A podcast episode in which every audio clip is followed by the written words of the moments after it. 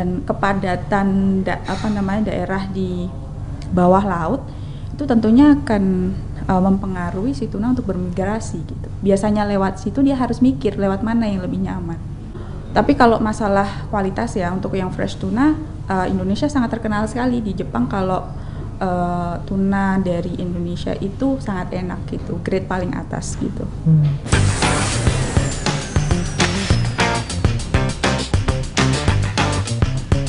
Hai Sobat Antara kembali di podcast Berisik Berita Asik bersama saya Anom Prihantoro.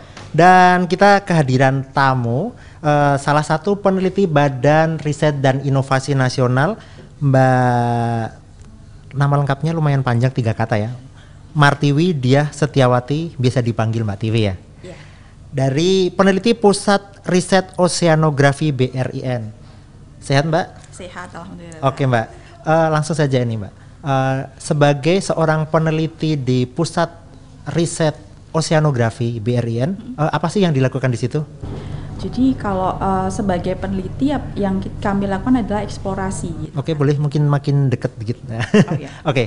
Jadi uh, yang uh, kami lakukan tuh uh, eksplorasi uh, di uh, perairan maritim di Indonesia. Hmm. Dan kebetulan bidang saya itu di bidang apa namanya uh, penginderaan jauh. Jadi kalau Mas itu tahu yang namanya Google Earth, Google Map kayak gitu-gitu. Hmm uh, kemudian satelit yang ada di luar angkasa. Nah, image citra, gambar yang ada di Google Earth kayak gitu-gitu uh, kami yang uh, melakukan processing untuk diubah menjadi produk gitu. Nah, salah satunya produknya itu ke uh, penentuan habitat, kemudian baik itu habitat tuna maupun non tuna seperti itu.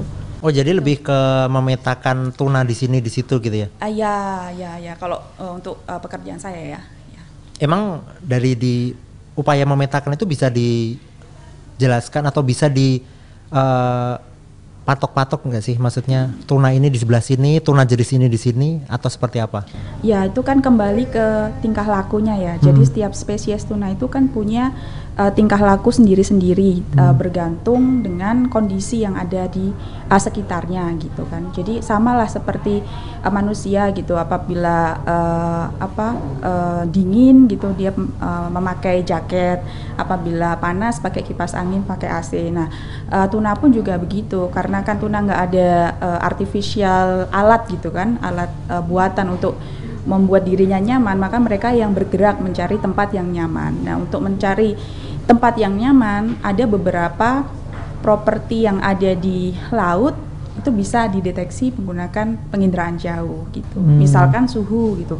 Suhu bisa uh, dideteksi dengan penginderaan jauh, tentu dengan sensor suhu gitu kan.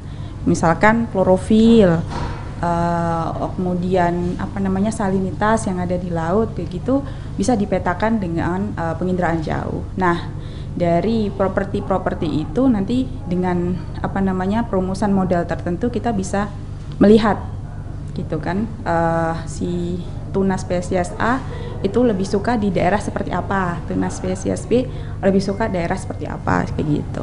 Emang dari Google Earth dan sebagainya melalui satelit bisa diketahui oh zat hijau laut itu di sini terus tingkat uh, asinan salinitas tadi ya? Hmm. itu kadarnya sekian sekian tuh bisa kelihatan? Bisa bisa. Uh, bukan lewat Google Earth ya. Jadi jadi kalau uh, di penginderaan jauh satelit satelit itu uh, mereka punya uh, spesifikasi sendiri gitu kan. Hmm. Misalkan oh ini sens, uh, satelit di luar angkasa itu banyak banget Mas, banyak banget. Setiap negara berlomba-lomba untuk punya satelit sendiri gitu hmm. kan.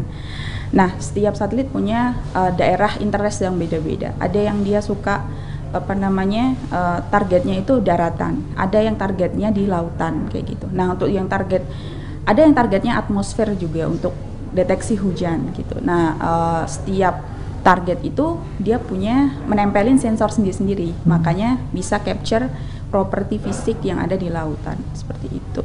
Oh jadi ini ya uh, di sini akan ada tuna yang berkualitas A, berkualitas B dan seterusnya gitu. Kalau kualitas kita nggak bisa uh, ini ya nggak bisa prediksi. Kita hanya bisa prediksi uh, mereka uh, prefer di tempat yang mana sih gitu. Hmm. Jadi maksudnya tuna A, B, C itu spesies. Jadi misalkan di tuna di Indonesia kan ada mata, tuna mata besar, hmm. tuna sirip kuning, kemudian tuna sirip biru yang gede ya kemudian ada albakor, tuna albakor sama cakalang itu juga masuk ke uh, apa namanya skop tuna gitu.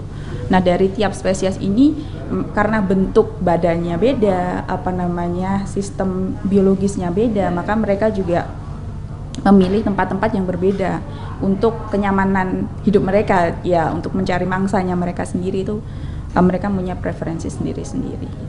Oke mungkin selintas saja uh, seperti apa sih tuna di Indonesia kualitasnya apakah diminati siapa atau negara mana yang menyukai tuna Indonesia ekspor ke mana gitu mungkin? Kalau uh, tuna di Indonesia itu kan marketnya itu uh, dua jenis market besar ya mas ya. Jadi market fresh tuna gitu, benar-benar tuna uh, tuna segar, segar gitu ya tuna segar.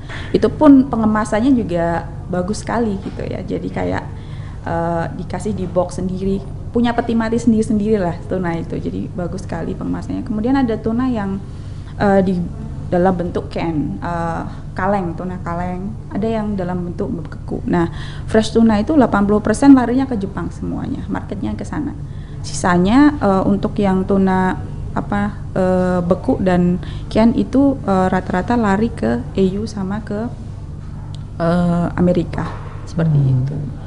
Tapi kalau masalah kualitas ya untuk yang fresh tuna uh, Indonesia sangat terkenal sekali di Jepang kalau uh, tuna dari Indonesia itu sangat enak gitu, grade paling atas gitu. Hmm. Tuna sirip kuning atau tuna apa pun?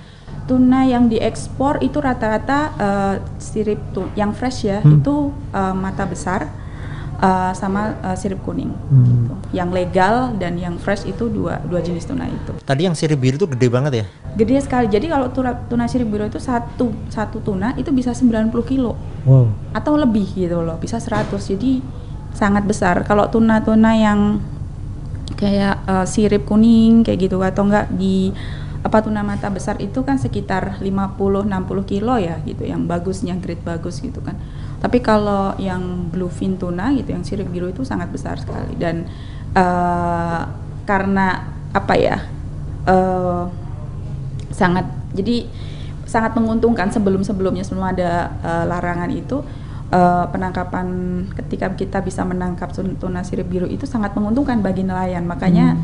sangat uh, gencar nelayan nyari uh, tuna sirip biru. Karena sekali tangkap bisa dapat tuna 90 kilo dan sebagainya iya, ya? iya. Jadi value-nya satu ini bisa nangkap satu si sirip biru itu value-nya bisa dua atau tiga sirip kuning ataupun uh, tuna mata besar. Tapi jadi langka? Jadi langka. Dan dilarang untuk perburuannya ya? Betul betul